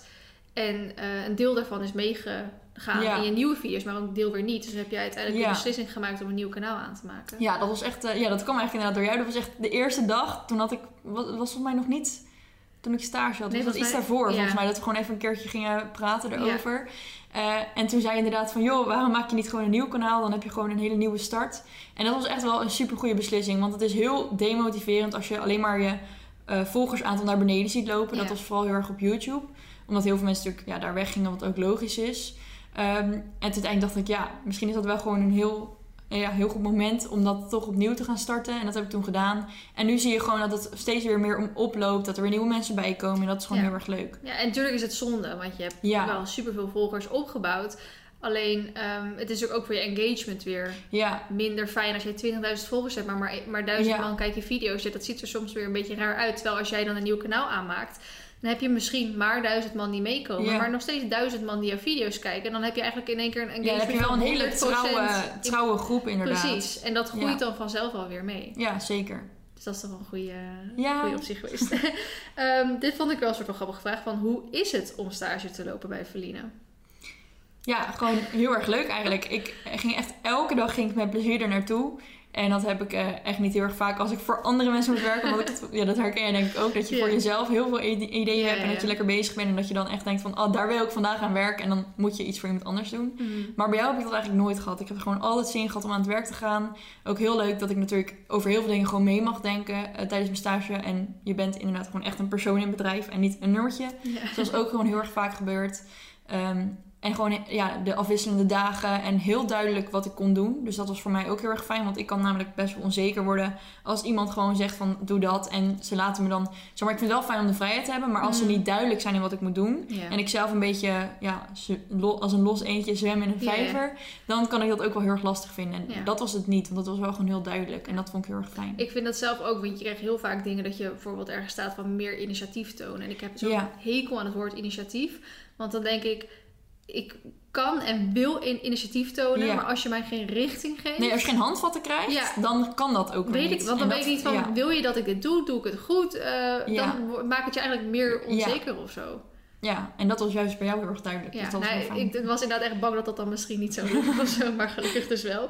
Ehm, wat vond je het leukste slash fijnste eh, aan het samenwerken? Of ja, je hebt het natuurlijk misschien deels net wel beantwoord, maar Ja, nou, ik denk inderdaad onze denkwijze. Dat we echt eh, bijna hetzelfde denken over Ja. alles. En dat als Verlien een idee had, dat ik daar gelijk in mee kon gaan. En als ik een idee had, dan ging Verlien daar eigenlijk heel snel in mee. Ja. En eh, ja, dat, we werkten gewoon eigenlijk heel goed samen. ja. Eh, een vraag aan mij. Ga je Romy missen als stagiair? ja, heel erg. Ik had ook toen jij wegging, toen dacht ik gelijk van... Ik moet een nieuwe vacature uit gaan zetten. Buiten dat het... eh, gelukkig heb ik Anne natuurlijk nog. Ja. En eh, ik heb nog heel goed contact met jou en Noek Ja. natuurlijk bijvoorbeeld. Dus het is niet alsof jullie in één keer helemaal wegvallen. Nee, inderdaad. Ehm, maar het is inderdaad wel zoals je denkt van... Oké, er moet e- even om het Ja. in, in het stagiairgebied te houden van... Oké, er moet even wat gebeuren. Shit, ik heb hier geen tijd voor. En dan kan ik Ja. het even zo doorschuiven naar mijn stagiair. Nu denk ik van shit, nu moet ik het zelf Ja. gaan doen. Eh, het is ook wel weer lekker, omdat je nu even met niemand rekening hoeft te houden. Dus ik ook. had ook zoiets van voor de zomervakantie vind ik het prima om... te- Even ja, ik heb geen vakantie, maar voor, Nee. om het even schoolwijs te zien... is chill om even niemand te hebben. Ja. En dan straks in september... ehm nu weet ik het alleen niet, want nu heb ik zoiets van... joh, ik vind het prima om in september weer meer stagiair te hebben fulltime. Ja. Alleen, ehm, ik denk dat de meeste mensen die in september stage moeten lopen... al lang een plek hebben. hebben gevonden, Ja. denk ik. ja, dat denk ik ook. Want ja, ik in ieder geval moet het voor de zomervakantie geregeld hebben. Omdat je na de zomervakantie direct begint Ja. met stage lopen, inderdaad. Ja, want waar ga je nu stage lopen? Eh, ik ga nu bij Smartphone stage lopen. Oké. Smartphonehoesjes.nl. Eh, en daar ga ik meer een beetje richting de productcontent. Dus eigenlijk wat meer achter de schermen in plaats van... Ja, echt dat je werkt inderdaad aan hetgene wat dan direct online komt. Ja, precies. Ehm, maar ja, ook wel heel erg leuk. Eigenlijk, dat was eigenlijk het gedeelte wat ik nog niet heel goed beheers. Omdat ik wel heel veel met social media en zo bezig ben. En dit is wat meer achter de schermen bij een bedrijf. Eh, dus ook wel fotografie, foto's maken van alle hoesjes. Ja. Maar ik ben heel erg benieuwd hoe ik het ga, ga ervaren. Inderdaad, Ja. wat meer in een bedrijf. Wat ik dus normaal gesproken echt niet zo leuk vind. Maar ik Ja. had zoiets, ja, ik moet het ook wel een keertje mee hebben Ja, gemaakt. dat is het. Hè. Want nu heb je het niet meegemaakt. En dan, Nee. Ja, Ja, ik, heb, ik heb altijd natuurlijk best wel unieke werkplekken gehad. En dat en met mijn YouTube. En gewoon bij mijn vader op, op kantoor. Dus ook best wel kleinschalig op kantoor. Dus Mhm. dat- ja, dat is gewoon heel anders dan echt in zo'n heel groot ehm, bedrijf meelopen. Maar ja. Ja. wel goed om dat ook een keertje mee te maken. ja, is ook zo. Hoe lang moet je nu weer? Eh, ook weer vijf, ja, vijf, zes maanden. Zo. Kerstvakantie is er natuurlijk ook bij. Ja. Lopen we ook in principe Ja. door. Maar je gaat dus van stage naar stage. Ja, Dus je hebt niet eerst weer even lessen of theorie daartussen. nee, helemaal niks. Dus dat, is dat vind ik aan de ene kant is het wel, je leert natuurlijk in de praktijk het meeste. Maar Ja. het is ook alweer heel erg gek, omdat je eerst ehm, heb je eigenlijk anderhalf jaar school, ik dus een half jaar. Mhm.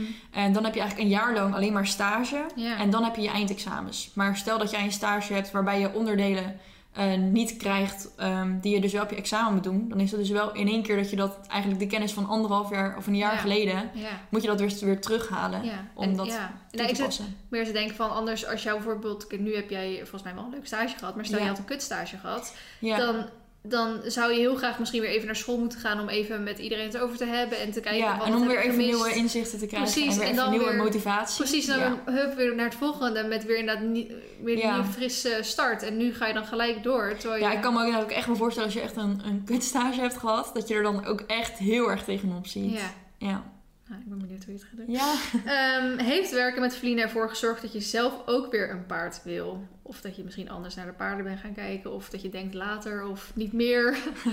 Ehm, nou ja, hoe- ik het nu inderdaad zie, ik, soms had ik inderdaad ook bij jou lange dagen. En als je dan naar huis rijdt, dan denk je wel van, oh, ik zou er echt niet aan moeten denken om nu nog naar mijn paard te moeten gaan. Eh, dan ben je gewoon echt kapot. Maar bijvoorbeeld zoals nu heb ik natuurlijk vakantie, heb ik meer meer tijd. Dus dan begint het wel weer meer te kriebelen dat je denkt van, oeh, weet je wel, nu heb ik de tijd. Dus dan zou ik het wel weer heel erg leuk vinden. Ja. Eh, ook om weer gewoon een soort strak schema in je dag te hebben. Ja. Maar ik weet ook dat als ik straks weer vijf maanden lang stage moet gaan lopen en dan echt vijf dagen in de week fulltime, Hmm. dat ik dan echt kapot ben. En dat ik dan niet de tijd heb om elke dag naar een paard nog eens te gaan naast mijn huishouden. En, en ook nog Ja. inderdaad, omdat ik wel het geld natuurlijk moet verdienen voor, voor het huis, ook bij mijn vader werkzaamheden, dat soort dingen. Dat hoort er ook natuurlijk allemaal bij. Ja. En dan zou het gewoon niet te combineren zijn samen. Nee, en zou je dan niet denken aan bijvoorbeeld een leasepaard? Of denk je Ja. gewoon van, nou, prima. Ja, nu eerst inderdaad had ik echt heel de tijd het idee van ik wil even helemaal geen verplichtingen meer. Omdat ik gewoon helemaal klaar ermee was. gewoon weer even vrijheid, omdat ik niet zo'n benauwd gevoel wilde hebben. Mhm. En nu begint dat wel weer meer te kriebelen. Dat ik denk misschien toch wel weer een leasepaard. Ehm ja, sowieso heb ik een vriendinnetje van mij, eh, Lucie, die heeft heel veel paarden, die heeft een trainingsstal. En die heeft gezegd, je mag altijd komen rijden.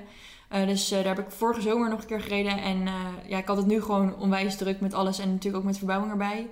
Dus dat is er eigenlijk niet meer van gekomen. Maar ik weet sowieso dat ik bij haar altijd terecht kan. Dus ik denk Ja. dat ik wel bij haar weer ga rijden. Ja. En misschien is dat ook wel een hele leuke optie. Dat je dan dus niet de verplichting hebt van een leasepaard elke dag. Maar dat ik dan bijvoorbeeld bij haar af en toe kan gaan rijden. Dus ik moet gewoon even kijken hoe dat gaat lopen. Maar ik denk wel dat, dat, eh, dat ik dat weer ga doen. Want ik vind het wel heel erg leuk nog steeds. Eh, zijn er dingen die je anders had verwacht van je stage? Ehm, nou, ik had er niet... Ja, ja misschien niet dat ik... ehm, zoveel kleine losse dingetjes nog erbij of zo. Je denkt gewoon van, nou, ik ben met het editen bezig of met dit bezig. Mm. En ja, ik weet natuurlijk van mezelf dat je met YouTube met heel veel dingen bezig bent. Maar omdat jij natuurlijk echt het fulltime als bedrijf hebt, komen er nog veel meer kleine dingetjes bij kijken. En dat vond ik wel heel erg interessant om dat van achter de schermen te bekijken eigenlijk. Ja. Dat je, ja, als je jouw lijstje ook bekijkt voor een dag, dan staan er gewoon zo rustig twintig dingen op wat je allemaal moet doen. En dan denk je echt, mijn god. Maar ja, dat hoort natuurlijk wel allemaal bij. Ja. Het is niet alleen maar video's maken, maar er zit zoveel meer achter. Ja, ik moet zeggen dat ik... Ik weet niet zo goed hoe het komt, maar toen wij begonnen met stage... Dat Ja. ligt zeg maar niet aan jou, maar Nee. toen had ik heel veel inderdaad dingen op to-do-lijstjes staan. Ja. Dit moet allemaal gedaan worden.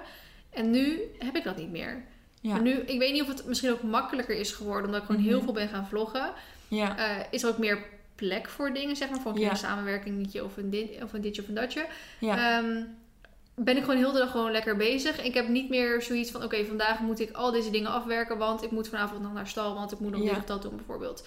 Ik heb helemaal niet meer dat ik met to-do-lijstjes of met planning of wat dan ook werk. En het, en het gaat zoals het gaat, Gaat. of zo. ja. Dus dat voelt, ik dat werkt niet. denk ik wel fijner, Ja. want je had altijd best wel een- natuurlijk een druk erop met Ja. alles wat je nog moest doen. Dat ik soms echt dacht, hoe doe je dit? Ja, ja. Dus Anne zegt dan weer van, Vlie, wat gaan we nu weer doen? Ja. Ik dacht, oh my god, even rustig. laten we eerst even die cursus afmaken en dan gaan we wel weer... Nou goed, we willen natuurlijk niet meer aan een nieuwe serie gaan beginnen. Ja. Ehm, aan Feline de vraag, wat zijn de verschillen tussen Romy en Noek? Oh.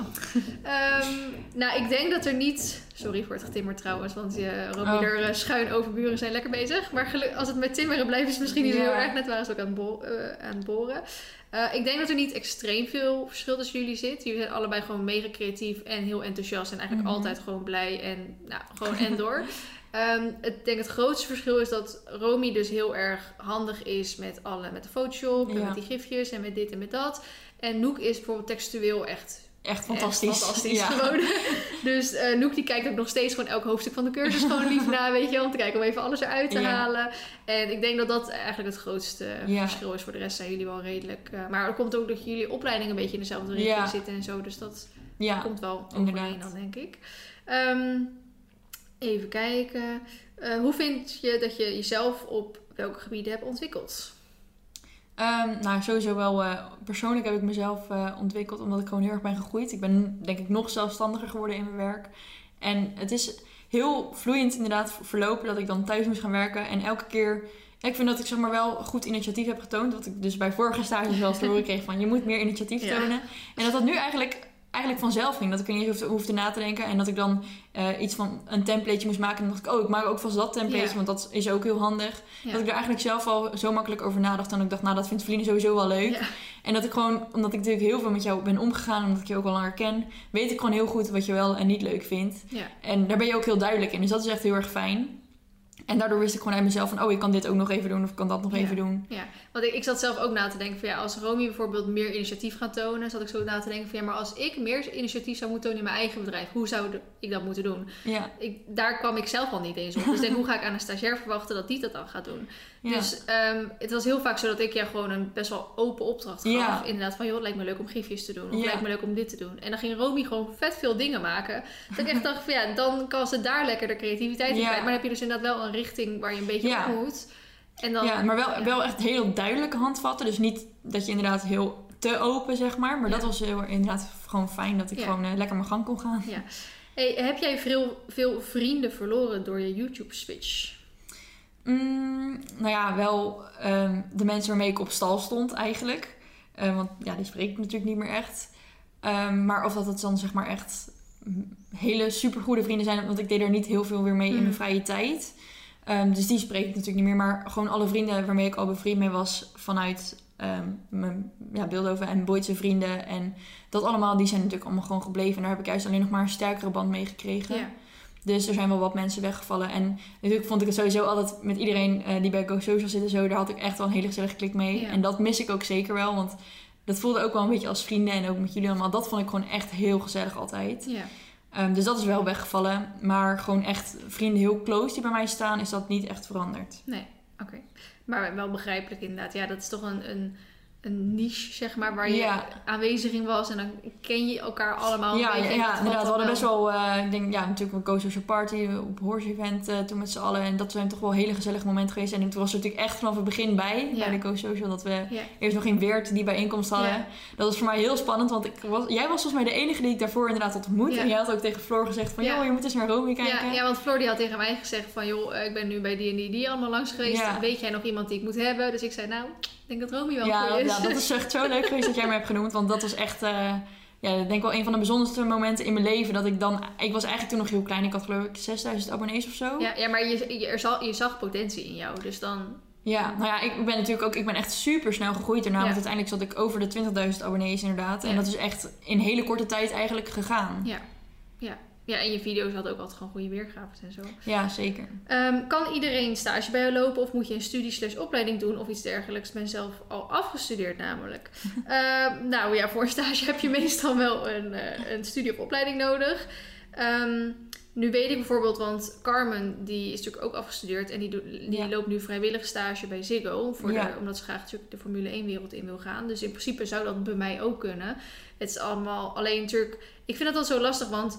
ehm, bij een, bij een, eh, een stage zit vaak ook iets van een vergoeding. Nou, Ja. Romy en ik hadden een vergoeding van tevoren afgesproken. Die was ik aan het einde vergeten. dus die heb ik daar nog even naar overgemaakt. Ehm, en dan, maar dan weet je, je moet het voor school doen. Dus of Ja. er nou eigenlijk geen vergoeding bij zit of wel een vergoeding bij zit, je moet Ja, je het moet toch het doen. doen. En bij een soort van vrijwillige stage heb ik altijd zoiets van, ja, dan is het eigenlijk toch meer werken voor iemand. En dan voel ik me een soort schuldig als ik dan niet iemand ga zitten vergoeden of veel minder Veel dan wat ja. diegene eigenlijk waard is. Ja. Maar je mag altijd even een open sollicitatie sturen. ligt eraan of ik aankomende september dus een stagiair heb. Eh, en ligt eraan wat je, waar je in afgestuurd bent. Want ik moet Ja. wel, ik, dat merk wel, ik moet wel even wat aan je hebben. Ja. Want het geluk was dat... eh nou, Noek was mijn eerste stagiair, dus dan moest ik echt gewoon Ja. even kijken, oké, hoe gaat dit? Nou, Romy kende ik al. Eh, en we hebben twee maanden eerst fulltime samen kunnen werken. Toen kon ik Ja. twee maanden loslaten. Ehm, ik heb tijdens jouw stageperiode heeft iemand anders mij een mailtje ook gestuurd. Ook voor een eh stageaanvraag. En die zou Ja. in mei beginnen tot en met juli. Dus die begon Ja. later dan dat jij begon en die ging ietsjes langer door. Ja. En toen dacht ik ook van, op dat moment, toen wa- waren we vol, vol met die eh, cursus bezig. Dus toen dacht ik ook van, oké, ik zou op zich een handje extra wel kunnen gebruiken. Alleen het feit dat zij pas in mei begint, ik ken haar nog niet. In mei ben ik vol bezig met Ja, verbouwen. Ik dat heb, ging gewoon niet. dat gaat gewoon niet. Ik kan diegene niet leren kennen. Ik kan haar, haar niet mijn bedrijf leren kennen. Ik heb geen werkplek voor. haar. Ik heb niks. Ik kan haar absoluut niet goed begeleiden. Ehm, en als Romy zeg maar straks klaar is, dan denk ik dat, we, dat ik ook wel even klaar ben. Ja. Dus dan heeft het ook niet zo heel veel zin om dat door te gaan, zeg maar. Nee. Dus ehm, ik moet wel echt even, even iemand hebben die mij ook wel echt kan helpen met Ja. iets. Dat vind ik soms een beetje la- lastig met een stagiair. Want eigenlijk is het natuurlijk de bedoeling dat jij eh, tijd maakt voor de stagiair en dat jij de stagiair dingen leert. Leert, Want de, leer, ja. de stagiair is er om te leren. Maar bij mij is het toch wel van we doen dit samen. Ja. Dus eh, ik geef jou taken die jij moet doen. En soms moet je het ook helemaal zelf gaan uitzoeken, want dan Ja. weet ik het zelf ook niet. nee. Net zoals die Ja, gifjes. die gifjes, ja. Ik denk, ja, ik wil die dingen, maar ik heb geen idee hoe. Ja. En waarschijnlijk is het best makkelijk eigenlijk om het uit te Ja. zoeken. En ik vind het heel vaak van dat je meer ervan leert als je het zoekt Zelf doet, of zelf ja. doet, dan dat ik het ga zitten voordoen voor Ja. je of wat dan ook. En natuurlijk is het goed om wel mee te kijken.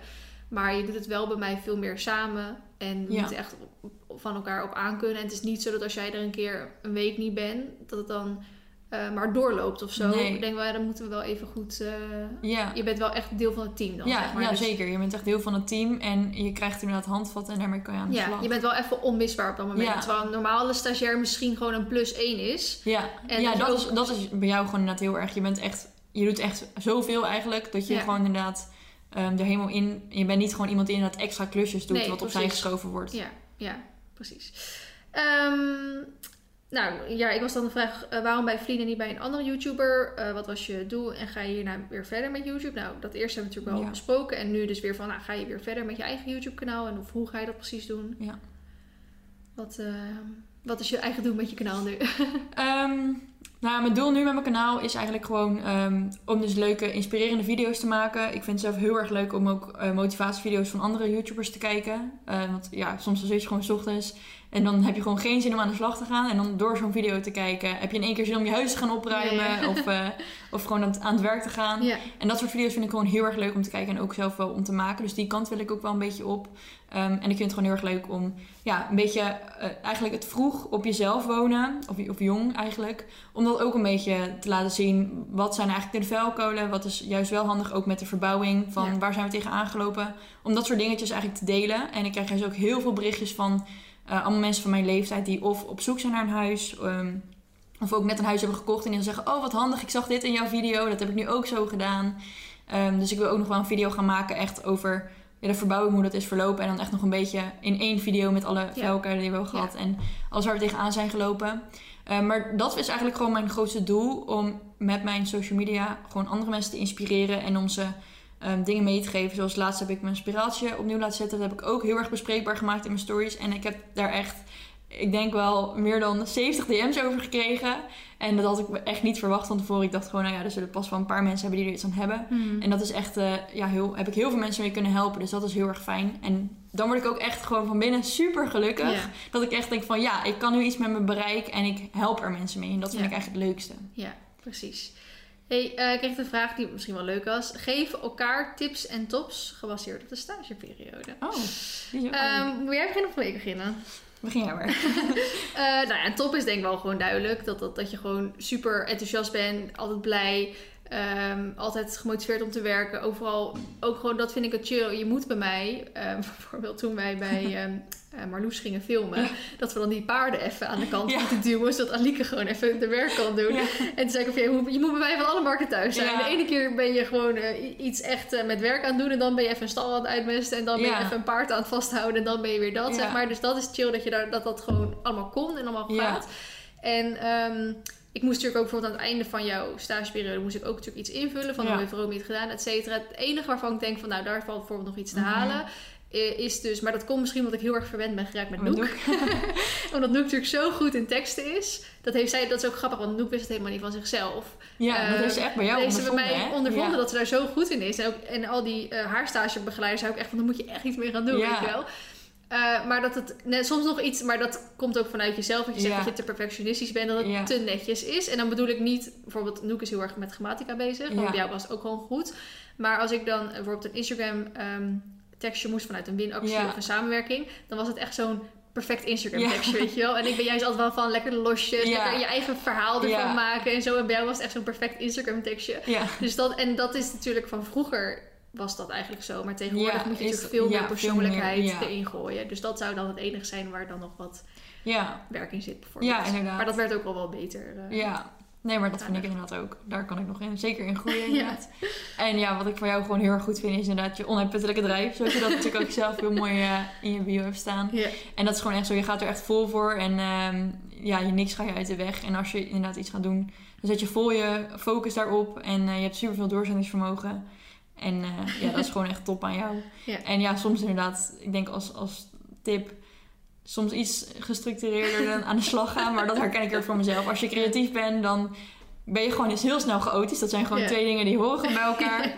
En ehm, ja, maar dat heb je denk ik de laatste tijd wel meer. Dat je inderdaad vol je focus op een paar dingen legt. En dat je daar dan inderdaad voor gaat. En dat je ehm, ook heel goed afweegt met alles van... Is dit ehm, in de toekomst ook goed voor mijn bedrijf? En draagt het iets bij of niet? En als het niet zo is, dan schuif je het ook sneller aan de kant. Ja. En dan ga je meer door met de dingen die er wel bij horen. Ja, ja ik denk- daar heb ik zelf ook veel moeten leren inderdaad. Ja, en ik denk vroeger inderdaad, of, of ja, nou ja, misschien omdat ik dat niet per se tijdens mijn stage heb gezien, maar gewoon omdat ik je langer ken. Mhm. Dat je dan veel meer je pijlen op meerdere dingen gericht had. En dat je nu echt een paar dingen hebt die je gewoon heel goed doet. Ja, dat kan ik me wel in vinden. ik heb dan wel ook nog een tip voor mezelf. Eh, ik heb wel, maar dat, dat heb ik al heel mijn leven met Mhm. alle situaties, dat ik soms ehm, te snel iets eh, vanzelfsprekend zie. Dat Ja. heb ik heel erg met alles. Dat als er bijvoorbeeld iets gewoon leuk, goed en goed gaat. Ik was bijvoorbeeld heel ehm, eh, slecht vroeger in dankjewel zeggen. Oh, ja. Omdat ik iets als vanzelfsprekend zag. Ja. Dus als jij iets voor mij deed of, of iets deed, dan was voor mij gewoon een dankje of een thanks of een top Ja. was voldoende. Terwijl ik denk, joh, ik mag ook wel gewoon even zeggen van, joh, echt super bedankt dat je dit even gedaan hebt, weet je wel. Dus ik zag soms dingen heel erg als vanzelfsprekend. En dat heb ik ehm, met Noek en met jou ook gemerkt. Bijvoorbeeld met de video's. Ja, Eh, omdat ik al tien jaar lang video's edit. Mhm. En daar zo natuurlijk makkelijk in ben geworden. En bij Noek eh, wist ik het. Want Noek die had heel weinig ervaring mee. Die heeft heel lang over die video's editen gedaan. Die gaf ik daar ook de tijd voor. Ehm, maar bij jou, want ja, ik dacht, Romy die kan al heel lang editen. Maar dan, dan ga, ik er toch te veel van uit dat het snel dat, het, gaat. snel, dat ja. het sneller kan, zeg maar. Want ik denk, ja, maar Romy kan dit al. Dus hoezo, bij mij van, doet ze er zo lang over? Maar het is gewoon heel anders als je voor jezelf edit of voor iemand anders edit. Dan is dat gewoon zo. Dan duurt het veel langer. En ik moet ook zeggen, video's zijn veel langer om te editen dan vlogs. Dat is Ja. echt heel nou, dat, ik had me daar ook wel op verkeken. Want ik dacht, nou die serie, weet je wel. Want we hadden toen een soort planning gemaakt. Ja. Dat ik voor de verhuisvlogs eigenlijk klaar zou zijn. Ja, En daar, toen was ik er nog echt mee bezig. Maar er zat zoveel tijd in die video's. Om, Ja. ja. gewoon zo'n zo'n serie kost gewoon veel meer tijd. ja het is echt heel... Kijk, vlogs, voor degene die er misschien niet een beeld bij hebben. Je vlogt je dag. Ja. Dus je kan letterlijk alle beelden achter elkaar zetten. Zetten, Even goed Wat dingetjes ertussen. wat dingen ertussen uithalen. Een muziekje, een overgangetje, een tekstje en dit en je bent klaar. Ja. Dat is even de simpele versie. Dat Ja. is als je, als je geluk hebt, zeg maar. Als je geluk hebt, komt het er zo uit te zien. En met een video neem je heel vaak ook dingen in verschillende volgorde op. Omdat Ja. het dan net zo uitkomt. Moet je bijvoorbeeld beelden ergens overheen doen. Heb je weer een keer een voice-over. Moet je Ja. weer even een sfeerbeeld. Dan moet je weer dat. En dan loopt het veel meer door elkaar heen. Ja. En je bent constant, dat is eigenlijk nog het meest tijdrovend, aan het nakijken hoe het eruit ziet. Elke keer op, steeds opnieuw die video bekijken Ja, om te ja en kijken. vooral eh, de video's duurden natuurlijk ook best wel lang. Zelfs die van de dierenarts duurde meer dan een uur. Maar dat kon ook niet echt korter, want het was wel gewoon super interessant. Maar als je dat dan bekijkt al met de tijd die je er aan het nakijken ben. Ja. En alle beelden, er waren heel veel beelden die over elkaar heen zaten. En Dat, heel eh, veel tekst. Ja, echt heel veel tekst ook. ja, dat, dat kost gewoon onwijs veel tijd. Maar Ja. ik vond dat ook wel heel erg leuk. Want eigenlijk voor mezelf heb ik nooit echt zo'n serie gemaakt Mhm. natuurlijk. Ja. En dat vond ik juist ook wel heel erg leuk dat ik dat tijdens je stage hebt, tijdens mijn stage heb mogen doen. Want of ja, vlogs editen, dat ken ik eigenlijk Ja. wel een beetje. Ja. Ehm, en het is natuurlijk voor an- iemand anders altijd weer anders. Maar daarom vond ik juist wel heel erg leuk dat ik aan die serie heb gewerkt. Precies. Ehm, hoe is het om baas te zijn van iemand die eigenlijk je vriendin is?